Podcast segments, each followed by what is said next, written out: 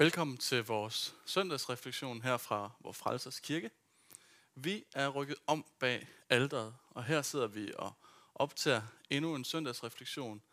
Og jeg håber, at øh, du nu her, når du lytter med eller ser med, må få lov til at blive en del af det lille fællesskab, vi så får, uanset om du sidder foran en computer, eller om du går med det her i ørerne på en gåtur.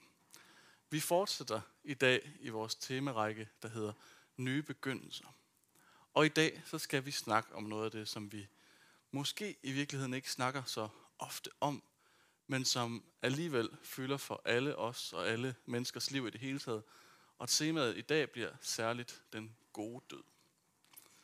For vi lever i en verden og en tid, hvor udtrykkene flyver omkring os som livet er kort, lev i nuet, eller you only live once, hvis det skal være en lille smule ungt.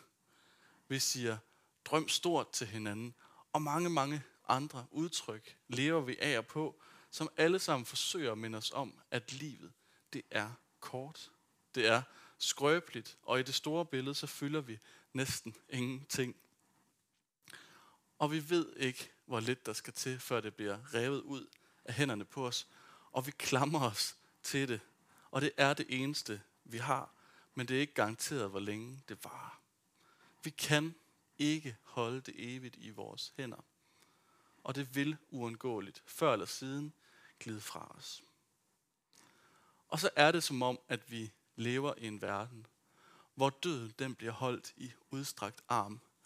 At vi holder den så langt fra som overhovedet muligt, at den ikke rigtig får lov til at komme helt derind på livet, hvor vi rigtig kan mærke den. Vi skal helst ikke mærke døden, og vi vil næsten gøre alt, hvad der står i vores magt for at leve længst muligt, koste hvad det koste vil. Og når vi så en gang imellem er til en begravelse, eller skulle se, ske og se et lig, så kan vi mennesker godt filosofere over døden på sådan et lidt underligt filosofisk plan. Men alligevel, så tror jeg, at de fleste af os lever i dyb, dyb fornægtelse og benægtelse af, at døden faktisk er noget helt konkret. Og jeg læste et sted, så gør, at man i USA havde fundet på at opfinde noget, man kalder kryofryser, til at fryse mennesker ned, så de, når de var syge nok, eller lige var afgået ved døden, kunne betale en sum penge for at blive fryst, fryst inde.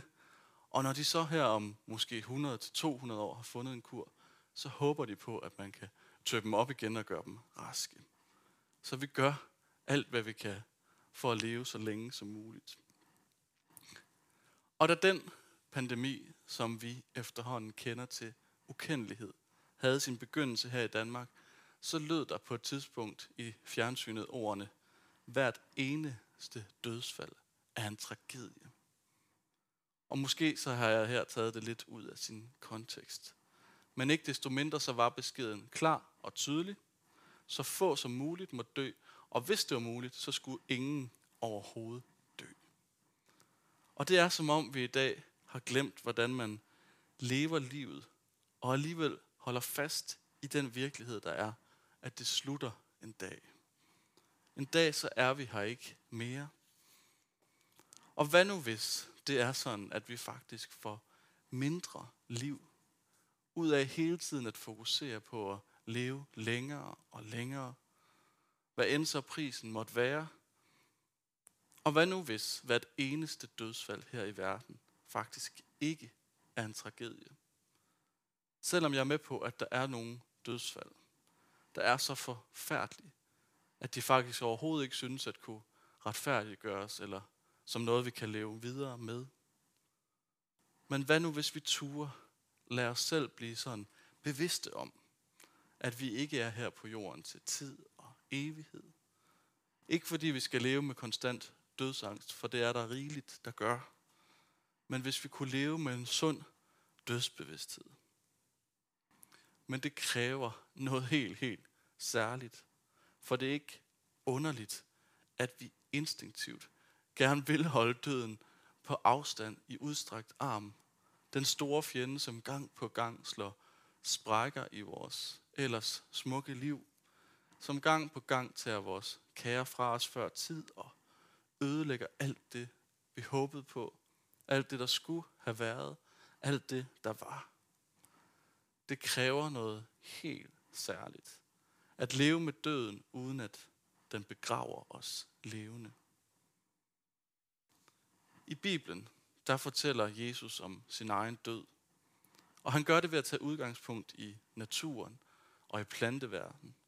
Og i det faktum, at for at et lille bitte frø, et hvedekorn, kan blive til flere, så må det lægges i jorden, og det må dø. Og hvis frøet det ikke kommer i jorden, hvis frøet det ikke dør, så bliver det ikke til flere. Og det var med det for øje, at Gud han valgte at gå i døden på et kors. Det var ikke, tror jeg, det bedste, han kunne forestille sig. Men det var nødvendigt. Det var nødvendigt for, at livet her på jorden ikke bare blev en stak gode historier, en stak gode fortællinger. For hvis Jesus ikke var død på korset, og havde brudt dødens magt påskemorgen, så ville historierne om ham og hans liv ikke være meget anderledes end dem om andre store mennesker, tænkere og filosofer. Men at han døde på korset, det ændrede alting. Hans død blev til liv for mange. Og da han døde og genopstod, så blev det for alvor en fortælling, der rystede hele verden, og som stadigvæk den dag i dag sender skælv op igennem vores tid. Fortællingen om naturen og planteverden og dens konstante bevægelse mellem liv og død, mørke og lys, er måske noget, vi kunne lære en hel del af. Men når jeg tror det, så er det også fordi, at kristendommens fortælling adskiller sig radikalt fra alle mulige andre fortællinger. For den bærer med sig noget helt særligt. Fortællingen bærer det med sig, at når vi engang skal herfra og lukker vores øjne for en sidste gang i denne verden, så er det ikke slutningen. Så er det på en eller anden måde den største nye begyndelse, vi nogensinde skal stå ansigt til ansigt med. En begyndelse, hvor mørke og kulde, angst, ensomhed, fremmedhed bliver skiftet ud med lys, varme, glæde, fællesskab og hjemlighed. Og den begyndelse må vi i kristendommen tillade os at tro på, finder sted på den anden side af det her liv. I Bibelen der siger Jesus et sted, tiden er kommet. Tiden er kommet, når jeg drager til himlen, så vil jeg føre alle folk til mig. Og de ord, de gælder i dag. Og de ændrer hele vores perspektiv på liv og på død. Så radikalt, at hvis det får lov til sådan rigtigt at trænge ud i fingerspidserne og i tæerne, så ændrer det alt. Men det kræver noget særligt. At leve med døden. At kunne tro på den gode død. Men måske er det netop kristendommens håb. At der skete noget på korset dengang, som der allerede har ændret alting. Og hvis vi tør tro på, at det også skete for vores skyld, så kan det måske lade sig gøre at leve med døden på en måde, så den faktisk giver vores liv mere liv. Fordi den ikke er det sidste her i verden. Fordi der er håb på den anden side. Fordi der er lys på den anden side. Glæde, varme, hjemlighed, nærvær. Og den gode død, den findes faktisk fra tid til anden. Det er jeg ret overbevist om. Der findes faktisk også mennesker, der er mætte og trætte af dage, er klar til at sige farvel. Der findes dødfald, som gør ondt helt ind i vores knogler, som efterlader dybe sår i de efterladte, men som alligevel ikke er en tragedie. Og det må vi simpelthen få lov til at insistere på at holde fast i. Så min påstand er, hvis vi tør leve mere bevidste om døden, så tør vi måske også leve mere livsvågne.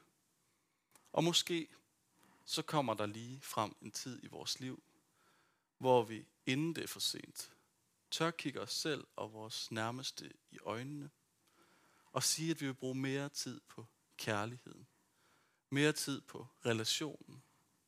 Mere tid på at være sammen, og mere tid på at dele ud af det liv, vi har.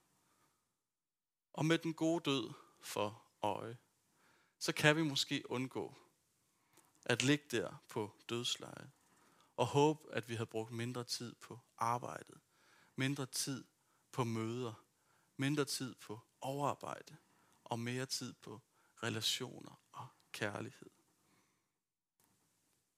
Og når vi får lov til at tro, at vi efter det her liv her på jorden, får lov til at komme hen til et sted, hvor lyset allerede har vundet, og kærligheden har sejret.